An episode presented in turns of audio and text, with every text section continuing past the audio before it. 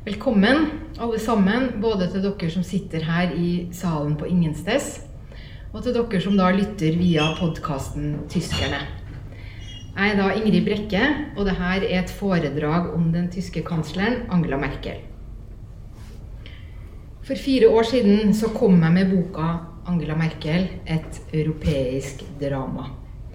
Dette foredraget det starter der boka slutter.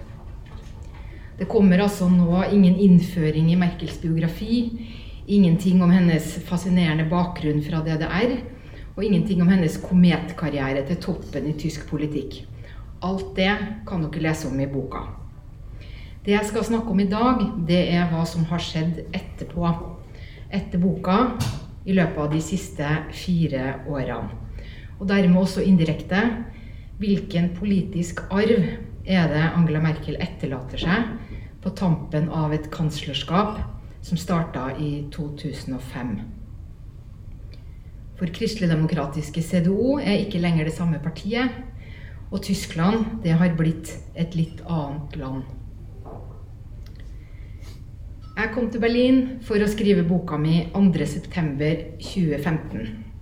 To dager etter den berømte pressekonferansen med Wir schaffen das og to dager før Østerrike og Tyskland avtalte å åpne grensa for de flyktningene som i mange dager var stranda på jernbanestasjonen i Budapest.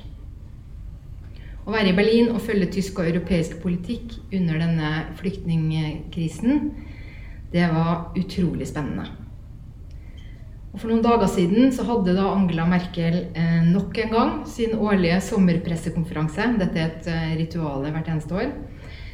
Eh, og da ble hun selvfølgelig spurt hva hun tenker om Wir schaffen fem år etterpå. Ville hun sagt det samme nå om koronakrisen? Nei, hver krise har sitt språk, sa hun. Men om hun ville da gjort det samme om igjen som det hun gjorde i 2015, ja, det ville hun i hvert fall sånn omtrent. Boka mi åpner med et kapittel om flyktninghøsten i 2015 og avslutter med et kapittel om flyktningvåren 2016. Min personlige lettelse var nemlig helt enorm da Merkel og president Erdogan inngikk den såkalte Tyrkia-avtalen. Avtalen som ganske raskt gjorde det eh, helt umulig for flyktninger å komme så langt inn i EU som til Tyskland. Og jeg ble glad ikke nødvendigvis pga. innholdet i avtalen, men fordi at jeg nå kunne sette punktum et sted. Boka kunne få en slags komposisjon. Den kunne bli en bue, som man gjerne drømmer om. Den begynner et sted, og den slutter et sted, og det henger litt sammen. Det var nemlig en tid rundt jul hvor jeg lurte på om det ble litt sånn ja ja, men livet og politikken går bare videre slutt. En slags variant av at alle var enige om at det hadde vært en fin tur. Men heldigvis da for boka så ble Tyrkia-avtalen klar midt i mars 2016. Jeg hadde fått mitt sluttpoeng, og så leverte jeg dette manuset i mai. For Tysklands del så var jo nå den akutte delen av krisen over. De hadde fått 1,2 millioner nye innbyggere, som nå da skulle lære tysk, gå på skole, studere og jobbe. Og som tyskerne gjerne sier, integrasjon det er ingen sprint, det er en maraton. Og så langt i løpet så er vel vurderingene at det har gått ganske bra, sjøl om det gjenstår mye jobb.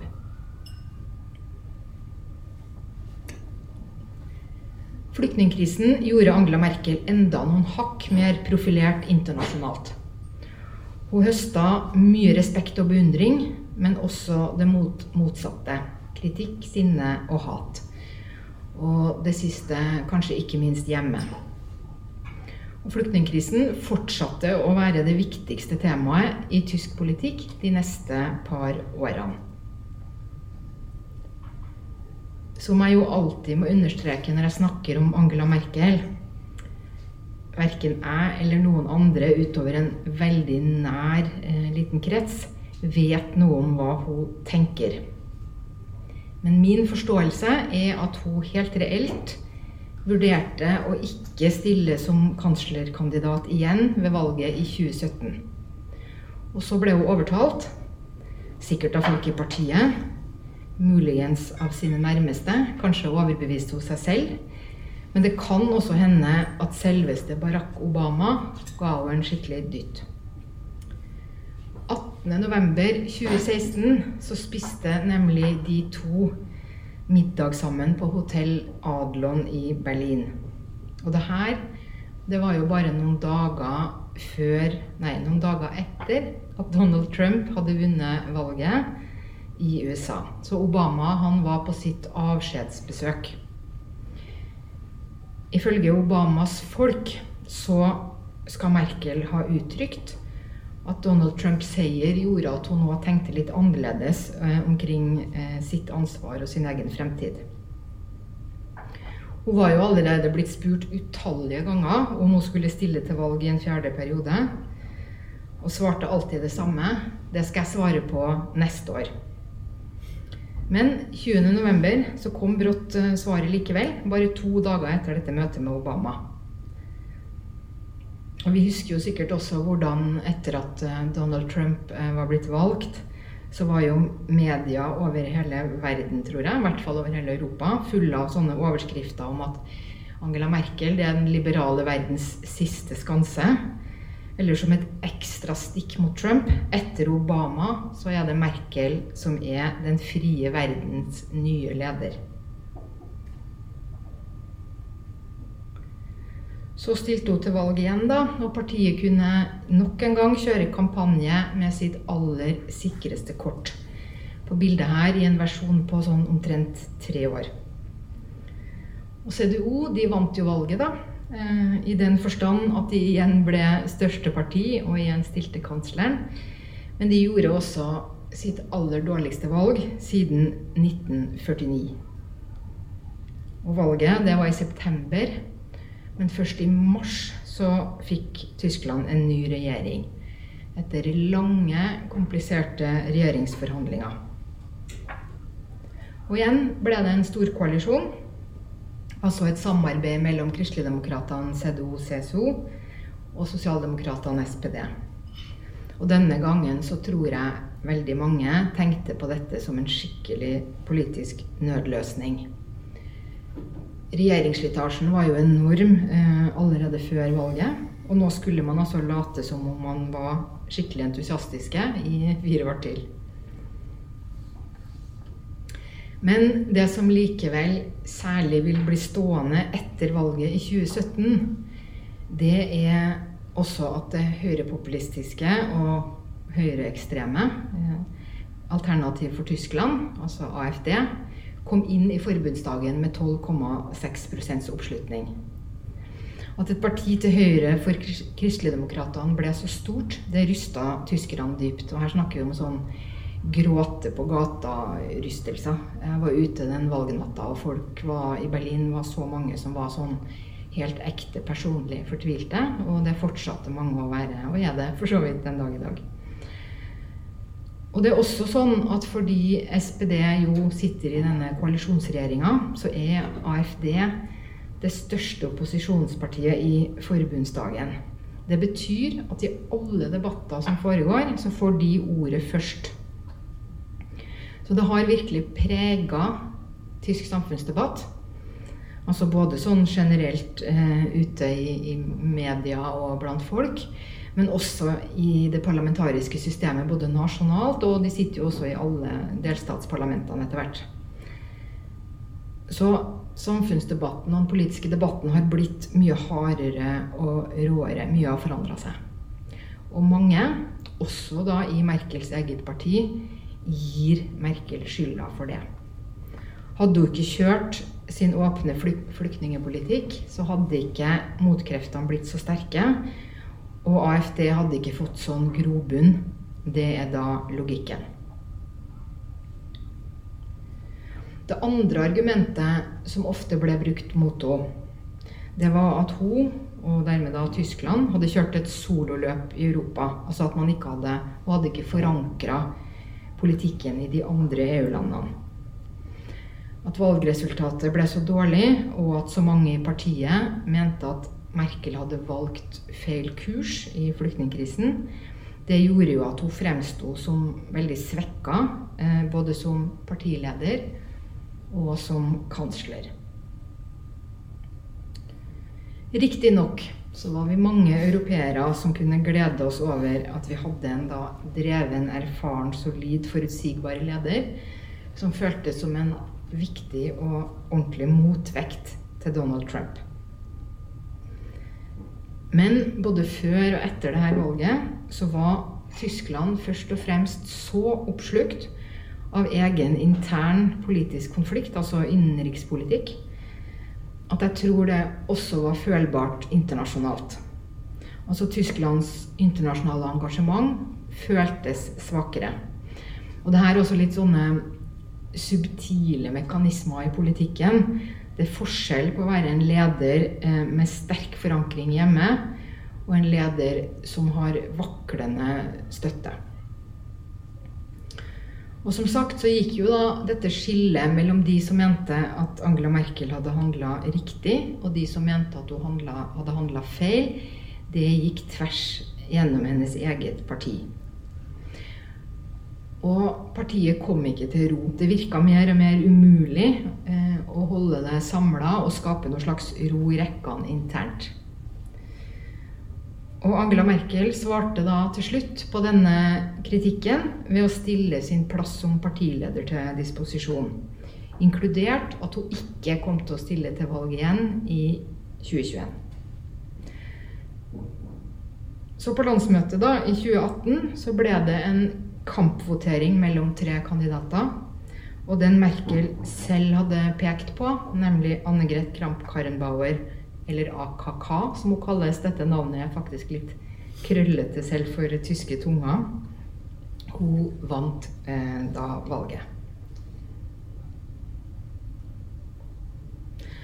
Og som så mye annet i Merkels politiske liv, så er også denne sluttfasen på kanslertida helt usedvanlig.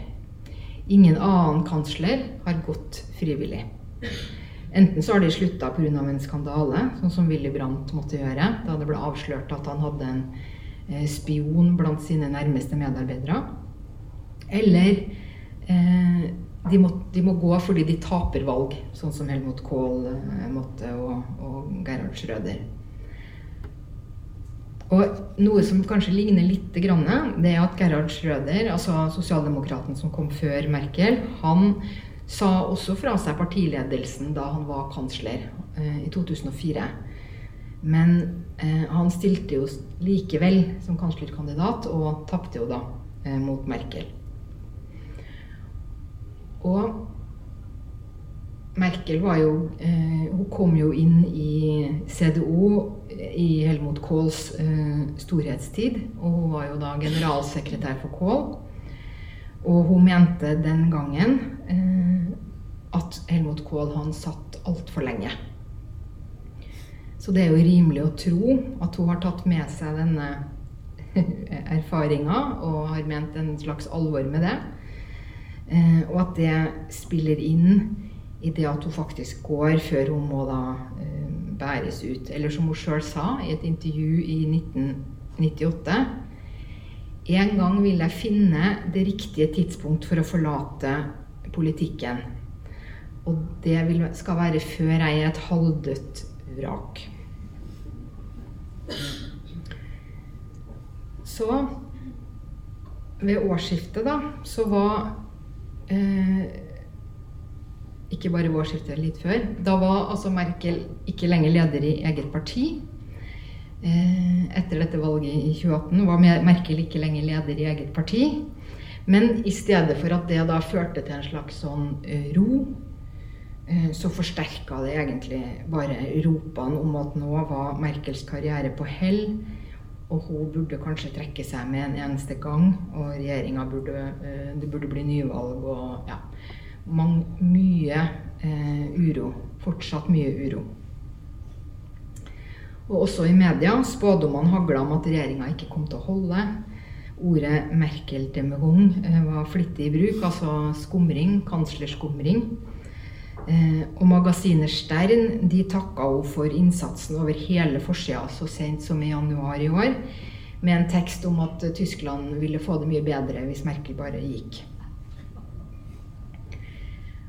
For det å ha en kansler som såkalt lame duck, altså en som bare sitter i en posisjon og venter eh, på at det skal gå over, eh, det føltes veldig uholdbart for mange.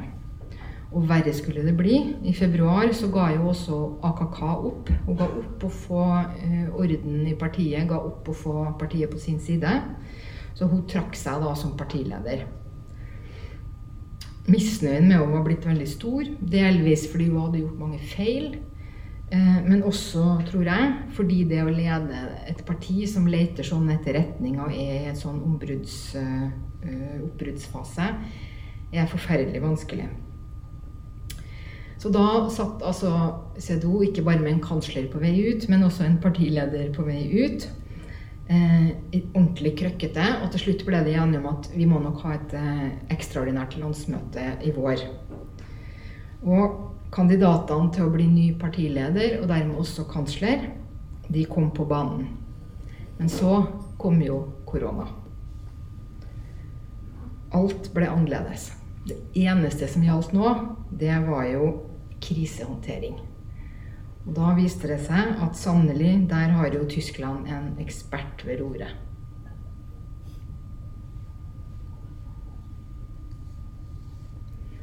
Egentlig så var det jo helt utrolig å observere at Angela Merkel etter 15 år ved makta fortsatt hadde et verktøy i verktøykassa si som hun aldri hadde brukt.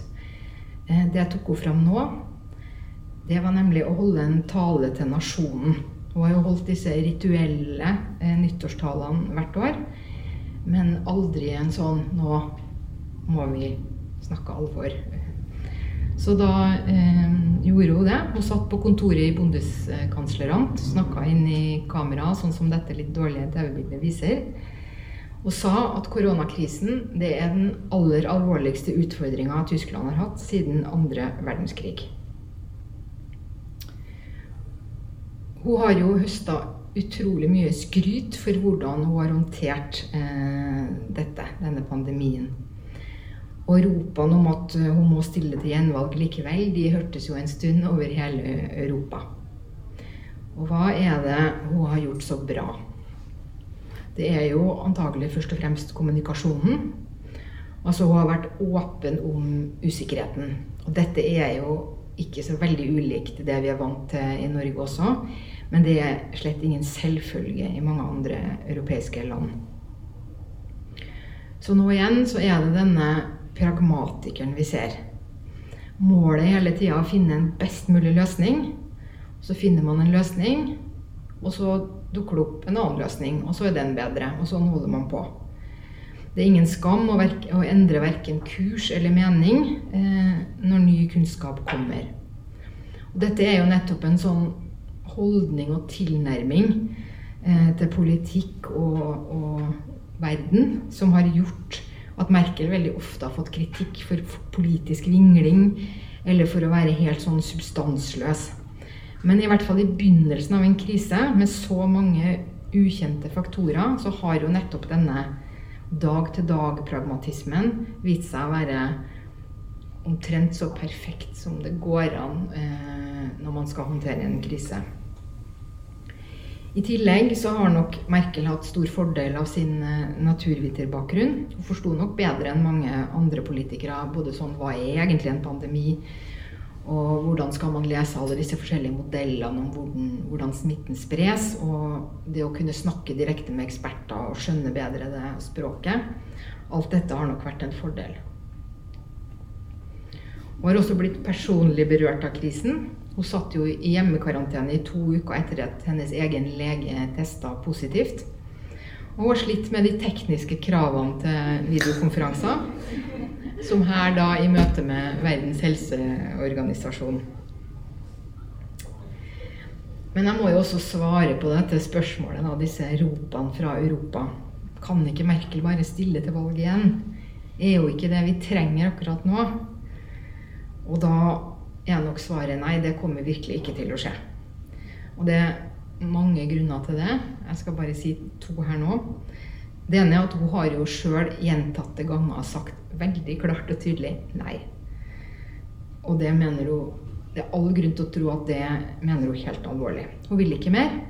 Sjøl om meningsmålingene nå er jo riktig gode eh, for CDO. Og til dere som nå hører på podkasten, nå skal jeg vise noen grafer. Eh, jeg legger dem ut på tyskerne sine Facebook-sider, men jeg skal også prøve å snakke sånn at eh, jeg tror det skal gå bra å følge uansett. For halvannet år siden så var CDO helt nede mot 25% oppslutning på meningsmålingene. De Grønne var en ganske kort periode det største partiet. Og dette nevner jeg nå bare fordi at ingen må tro at det er noen slags selvfølge i at eh, CDO kommer til å vinne neste valg.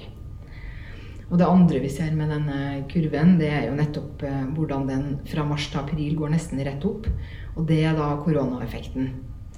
Og da stiger den til omtrent 38 eh, og der har den ligget siden. Sjøl om det nå ser ut til at den er svakt på nedgang igjen. Eh, og det her er jo et kjent krisefenomen. Eh, at velgerne støtter opp under sittende regjering. Og selvfølgelig, når krisen tar slutt, eller om den trekker veldig langdrag, så vil jo dette forandre seg. Den andre grunnen til at Merkel ikke kommer til å stille til valg igjen, det er, har litt sammenheng med dette, men det er noe så enkelt som at det er faktisk ingenting som kan vare evig. CDO de innser også veldig at de er nødt til å skru seg om etter en sånn eh, etter Merkel-tid. Selv om de svetter blod når de gjør det. Det fins ikke noe godt tidspunkt. Prosessen har allerede slitt hardt på partiet, og uansett hvor lenge de venter dette, blir, dette er kjempevanskelig. Det kommer til å fortsette å være det. Og nå skal jeg prøve å forklare hvorfor.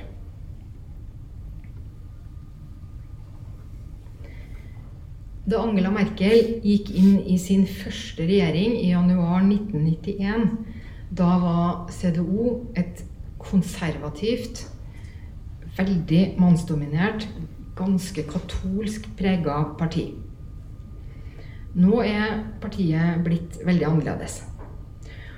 Og det er jo ikke sånn at Angela Merkel har liksom vært alene gjennom å drive gjennom disse endringene.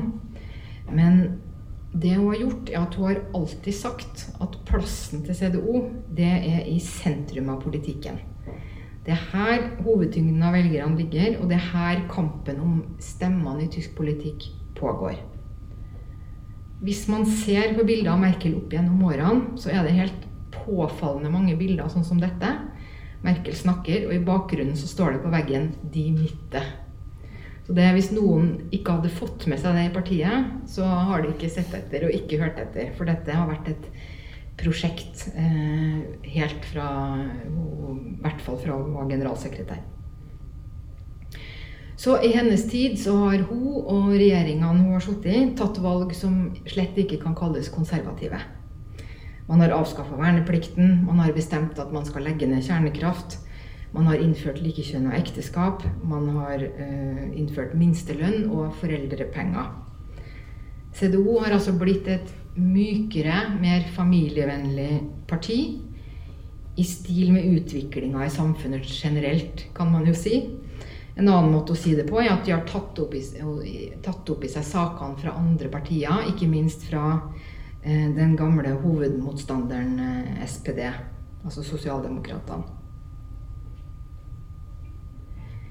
I det lange løp så har CDO klart å holde seg ganske godt oppe som et stort folkeparti, men sosialdemokratene har vært på en langvarig nedtur. Altså denne, dette er jo en graf helt fra 91, fra da Merkel gikk inn i regjering, og helt til nå. Og det svarte er da CDO, og det røde er sosialdemokratene. Og fram til 2003 så var jo disse partiene omtrent like store. Og siden så har CDO vært dronninga på Haugen. Og Hvis vi går litt dypere inn i dette her, så kan vi si at CDO i Merkels tid har lokka til seg nye velgergrupper. Tydeligst ser vi dette hvis vi går inn i kvinnestemmene. Denne grafen viser altså eh, hvor mange kvinner mer enn enn at det er likt kjønnsmessig, som stemmer på partier. Og det er veldig interessant å se at eh, fram til langt ut på 70-tallet eh, så var CDO det store kvinnepartiet i tysk politikk. Eh, så kom det en lang periode hvor det ikke var noen som pekte seg så voldsomt ut, egentlig. Alle partier var litt sånn, Kjønnene var sånn omtrent likelig fordelt. Og så kan vi se da fra 2005 så går CDO kraftig oppover igjen. Dette slutter i 2017. Det har bare fortsatt. Eh, og det er helt opplagt en Merkel-effekt. Hun har trukket til seg eh, kvinner som stemmer. Eller kvinnestemmer. Kvinner som stemmer, ja. Eh, man kan også se eh, at folk med innvandrerbakgrunn etter flyktningkrisen, altså de siste årene, to, tre, fire årene, eh, så har de i stor grad gått fra å stemme SPD, som de alltid gjorde før, til å begynne å stemme CDO. Med andre ord Når CDO skal legge sin etter Merkel-strategi og prøve å fortsette å være landets største parti, så har de to valg. Eh, de kan da enten prøve å holde på disse nye velgergruppene som har kommet til under Merkel, altså fortsette hennes sentrumsorienterte linje. Eller de kan prøve å gå til høyre og ta kampen på fløyen, bli mer konservativ igjen. Prøve å ta velgere fra eh, AFD, og kanskje også FDP, altså de liberale. Når de skal velge en ny partileder da, nå i desember, og dermed også en potensiell kanslerkandidat, så er det her sånn som de tenker på. Dette er noe av bakgrunnen for det valget. Friedrich Merz, som er en kandidat, og som fikk nesten like mange stemmer som AKK under det forrige ledervalget, han tror at man kan hente stemmer på høyresida. Mens den kanskje sterkeste konkurrenten hans, Armin Laschet, han er på den sentrumslinja. Dessuten er det selvfølgelig også en annen faktor i spill. Nemlig hvor mye har CDO rett og slett tjent på personen Merkel på at hun er så utrolig populær. Hun har jo i en årrekke ligget ekstremt høyt på alle sånne popularitetsmålinger. Det er veldig vanlig i Tyskland. Man spør folk eh, hvem du liker best av et visst utvalg og, og, sånne ting. Hvor godt gjør den og den jobben sin? Og hun har bare uh, stort sett trona aller øverst, eller i hvert fall veldig øverst. Eh, dette er en kurve som bare er fra 2017 til i dag. Men det man kan se som er påfallende, er at selv når hun gjør det aller dårligst, så går hun aldri under null. Og hvis du da sammenligner med eh, andre kristelige demokrater, f.eks. Eh, eh, Seehofer, altså innen, innenriksministeren som er CDO, han er den lyseblå som kryper langt der nede. Han er en veldig kontroversiell politiker, men likevel. Eh, eller på stakkars AKK, som er en sånn mer sånn mellomblå som eh, begynner sånn ikke så verst, og som så går ned et stykke under null. Derfor så må man også spørre seg Hvis man er en politisk strateg og vil vinne et valg i Tyskland, er det smart å stille en kandidat som ligner på Merkel? Og hva betyr i tilfelle det. Så da sosialdemokratene nylig utpekte sin eh, kanslerkandidat, eh, veldig tidlig ute før valget, som jo det er jo over et år til enda, så valgte de finansminister Olaf Scholz. Og da tror jeg de gjorde et ganske smart valg på den bakgrunnen. Han ligner på en måte ganske mye på Merkel. Han er en eh, litt sånn tilbakeholden, nøktern eh, politiker. Og han har også vært veldig populær nå under koronakrisen. Det er han som har den røde kurva. Og kanskje kan han også tjene på at han har jobba ganske tett på Angela Merkel over tid. Eh, og særlig da hvis CDO skulle komme til eh, å ta det valget at de stiller med en kandidat som ikke ligner på Merkel. Eh, F.eks. Friedrich Merz, eller da Bayerns Markus Søder, som også er veldig sånn i spill nå.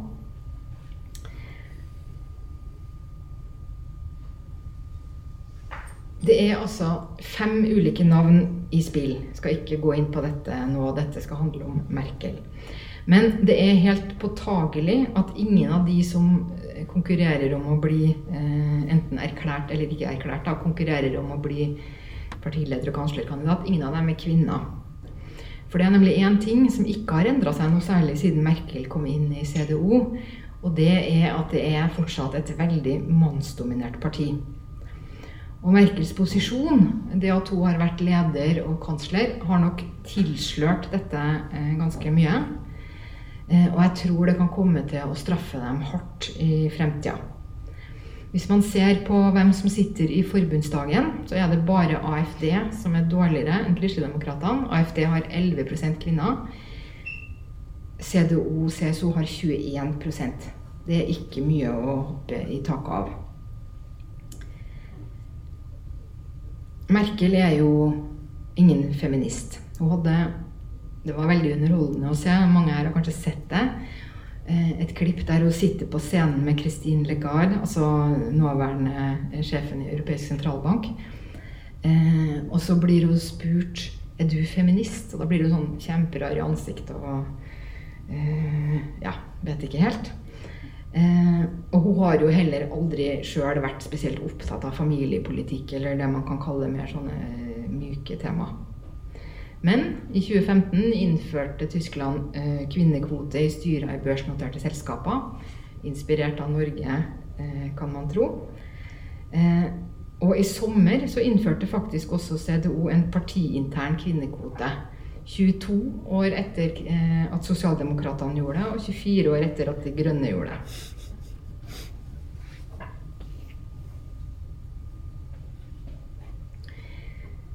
Uansett har selvfølgelig Merkel gjort veldig mye for likestillingskampen bare ved å finnes, bare ved å være i den posisjonen hun er, eh, og fremtre som hun gjør. På all verdens eh, internasjonale scener. Men når jeg først snakker om kjønn, så må jeg også bare si litt om klærne hennes. I boka mi så skriver jeg jo litt om det, all den ekle kritikken av utseendet som hun ble utsatt for som fersk politiker. Og det har altså blitt helt annerledes. Merkel har jo gått over til å bli et slags ikon eh, for eh, antrekket sitt. Det vil si, det er jo egentlig ikke for antrekket, men det er jo for det å ha klart å innføre en uniform også for kvinnelige politikere.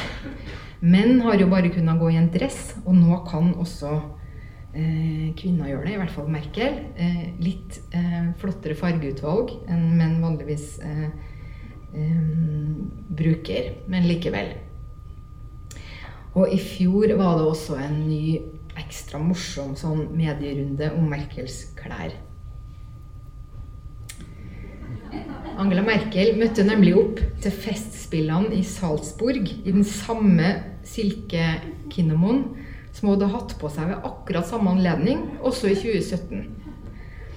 Og Frankfurter Allgemeine Zeitung, altså den tyngste avisa i Tyskland, tok saken, undersøkte, og sannelig hadde hun ikke hatt på seg den samme i Salzburg også i 2008 og i 2014. Altså hun hadde kommet fire ganger til akkurat det samme arrangementet i akkurat det samme antrekket. Og så leita de litt mer, og så fant de sannelig eh, ut at den aller første gangen de så Merkel i akkurat denne kinemoen, det var jo fra før hun var kansler, i 2002, da riktignok i Bayreuth.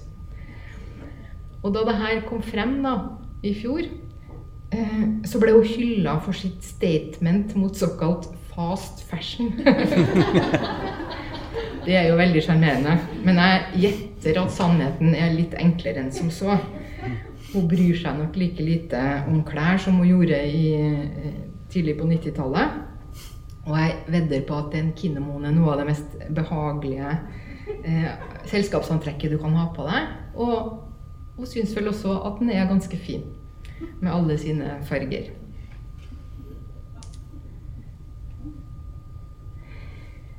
Det er altså kontinuitet å spore i Merkels klær. I, hvis man skal jakte på disse litt sånne lange linjene, eh, så passer dette intervjuet fra 1991 ganske godt inn. Dette er jo en tid da hun var minister for kvinner og ungdom, og hadde sittet eh, mindre enn et år i regjering. Da forklarer hun Hun blir spurt da hvorfor hun tok så lang tid på seg til å gå inn i et politisk parti. Eh, og da forklarer hun at hun har en utprega skepsis til såkalte basisdemokratiske grupperinger. Eh, altså hun så seg rundt på forskjellige partier, men hun opplevde at eh, alle steder at man var altfor mye forelska i sin egen debatt. Eh, og det er jo ikke det dette handler om. Det skal jo ikke handle om debatter. Man må jo komme til de som bare gjør ting. Man må være der hvor noen gjør ting i praksis. Og så reflekterer hun, da. Kanskje har jeg noe autoritært i meg her. I hvert fall et ønske om strukturer. Og så sier hun videre Borgerne de forventer en slags tjenesteyting av sine politikere. Vi skal løse problemer. Og dette tenker jeg det er en sånn holdning som hun har hatt fra da hele tida. Og det er jo sånn hun gjerne omtales, ikke sant? som en løsningsmaskin, en krisehåndterer. Men det å være ikke-ideologisk, lavmælt og pragmatisk, det har jo virkelig ikke spart eh, Merkel for eh, hat og spott. Kanskje tvert imot, tenker jeg noen ganger. Altså det at hun oppleves så uangripelig og uideologisk og vag, det virker som det ofte provoserer ekstra. Både under flyktningkrisen og nå under koronapandemien så er Merkel et slags hatobjekt nummer én blant motdemonstrantene. Og selvfølgelig da ikke minst blant AFD-tilhengerne. Eh, og noe av dette hatet som fins mot Merkel, det handler jo selvfølgelig bare om at hun er og en gang landets leder. Hvis man vil styrte regjeringa, da er det der man må begynne. Men det er mye grums i dette hatet, og mye av det grumset handler om at hun er kvinne. Eh, og i det som en gang var DDR, så virker også hatemotto mer utbredt. Og det tror jeg har sammenheng med at hun oppfattes som en slags sviker. Altså Hun var aldri egentlig en av dem, og hun er egentlig ikke en av dem nå heller. Sjøl har hun gjort ganske lite eh, nummer ut av hat og trusler. Det er ikke noe hun snakker noe særlig om. Og når hun får spørsmål om AFD, så har hun f.eks. sagt at jeg er like mye folket som eh, alle andre. Eh, under disse protestene så har det jo blitt veldig vanlig at eh, demonstrantene roper dette berømte slagordet fra DDRs frihetskamp 'Vi er folket'. Andre sånne påstander som ekstremister ofte kommer med, det er at Tyskland det er et diktatur. Under et eh, folkemøte i Stralsund i fjor så fikk hun faktisk direkte spørsmål om dette fra en, AFD, en lokal AFD-politiker. Fru Merkel, i toleransens navn har du ledet oss inn i et diktatur, begynte han. Og fortsatte med at Grunnlovens første paragraf, altså at menneskets verdighet er uangripelig, det gjelder ikke for patrioter og AFD-medlemmer i dagens Tyskland. Og dessuten er pressefriheten dårligere nå enn den var i DDR, sa han. Og Merkel hun svarte jo da ja, du sitter her på første rad og er ikke i fare selv om du stiller meg dette spørsmålet. Jeg har heller ikke noe inntrykk av at AFD i forbundsdagen har noen spesielle hemninger med å si sine meninger. Og da ler jo eh, folk i salen, eh, og hun sier det selvfølgelig med et eh, glimt i øyet. Men hun blir så alvorlig, og så vender hun seg til mannen som spør igjen. Og han rister på hodet og sier noe om at flyktningpolitikken hennes den stred jo faktisk mot Grunnloven. Og så sier hun at vet du hva, det meste av eh, disse avgjørelsene som ble tatt, de har faktisk eh, vært gjennom rettssystemet nå. Jeg er sjøl ikke fornøyd med alle dommene som, blitt, som har falt, men sånn er nå en gang demokratiet vårt. Rettsvesenet må jo være uavhengig av politikken. Jeg nevner denne scenen fordi den er veldig typisk Merkel. Ikke bare viser den for så vidt sans for humor, men også hvordan hun da velger å snakke ordentlig eh, til denne eh, mannen som hevder at hun er en diktator. For hun har vært kjempeopptatt av at hun vil ikke ta i bruk språket til populistene. Debatt skal være sivilisert. Man skal snakke ordentlig til hverandre. Og denne respekten for individer og for de demokratiske institusjonene som da hun også uh, viser her, det er jo hennes erstatning for ideologi.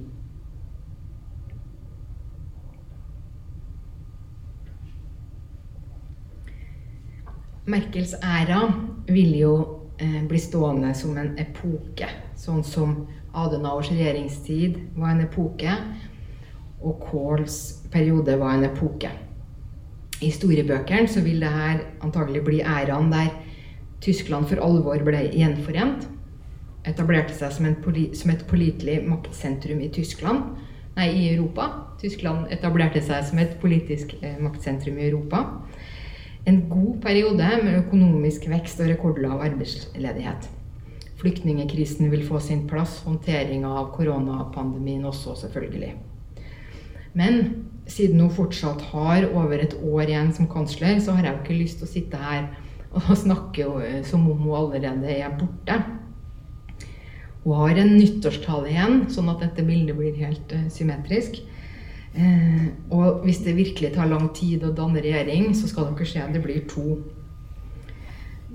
Og derfor så Jeg syns det føles mer passende å heller avslutte foredraget mitt med en sånn kjapp bemerkning om den aller heteste politiske saken akkurat nå. For også den er en videreføring av eh, et annet hovedtema eh, for boka mi, nemlig Merkels eh, forhold til Putin og Russland. Jeg vil tro at alle her har fulgt med på Aleksej Navalnyj-saken. Den russiske opposisjonspolitikeren som ble forgifta og havna i koma i Sibir.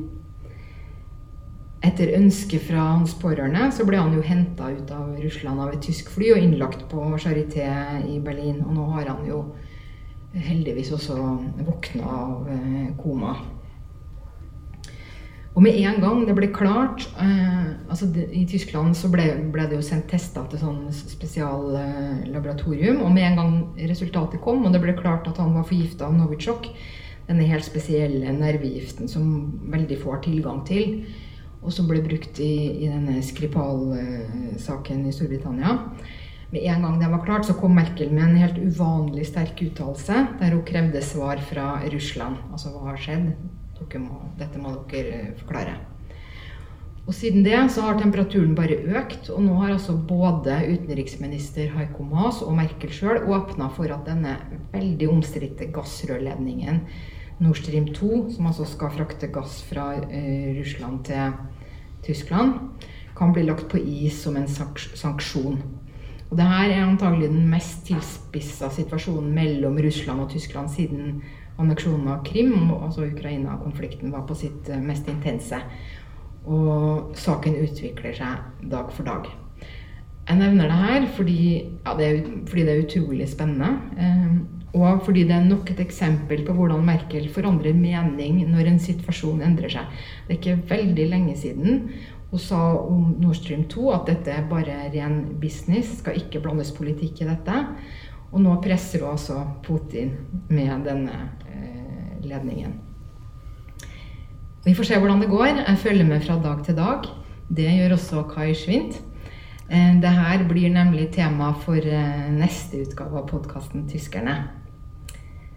Da vil jeg bare slutte med å si tusen hjertelig takk til alle som ble med på dette prosjekt eh, Mer Merkel, som gjorde at dette foredraget kunne bli noe av, og at vi tross alt kunne møtes eh, her i dag. Tusen takk for meg.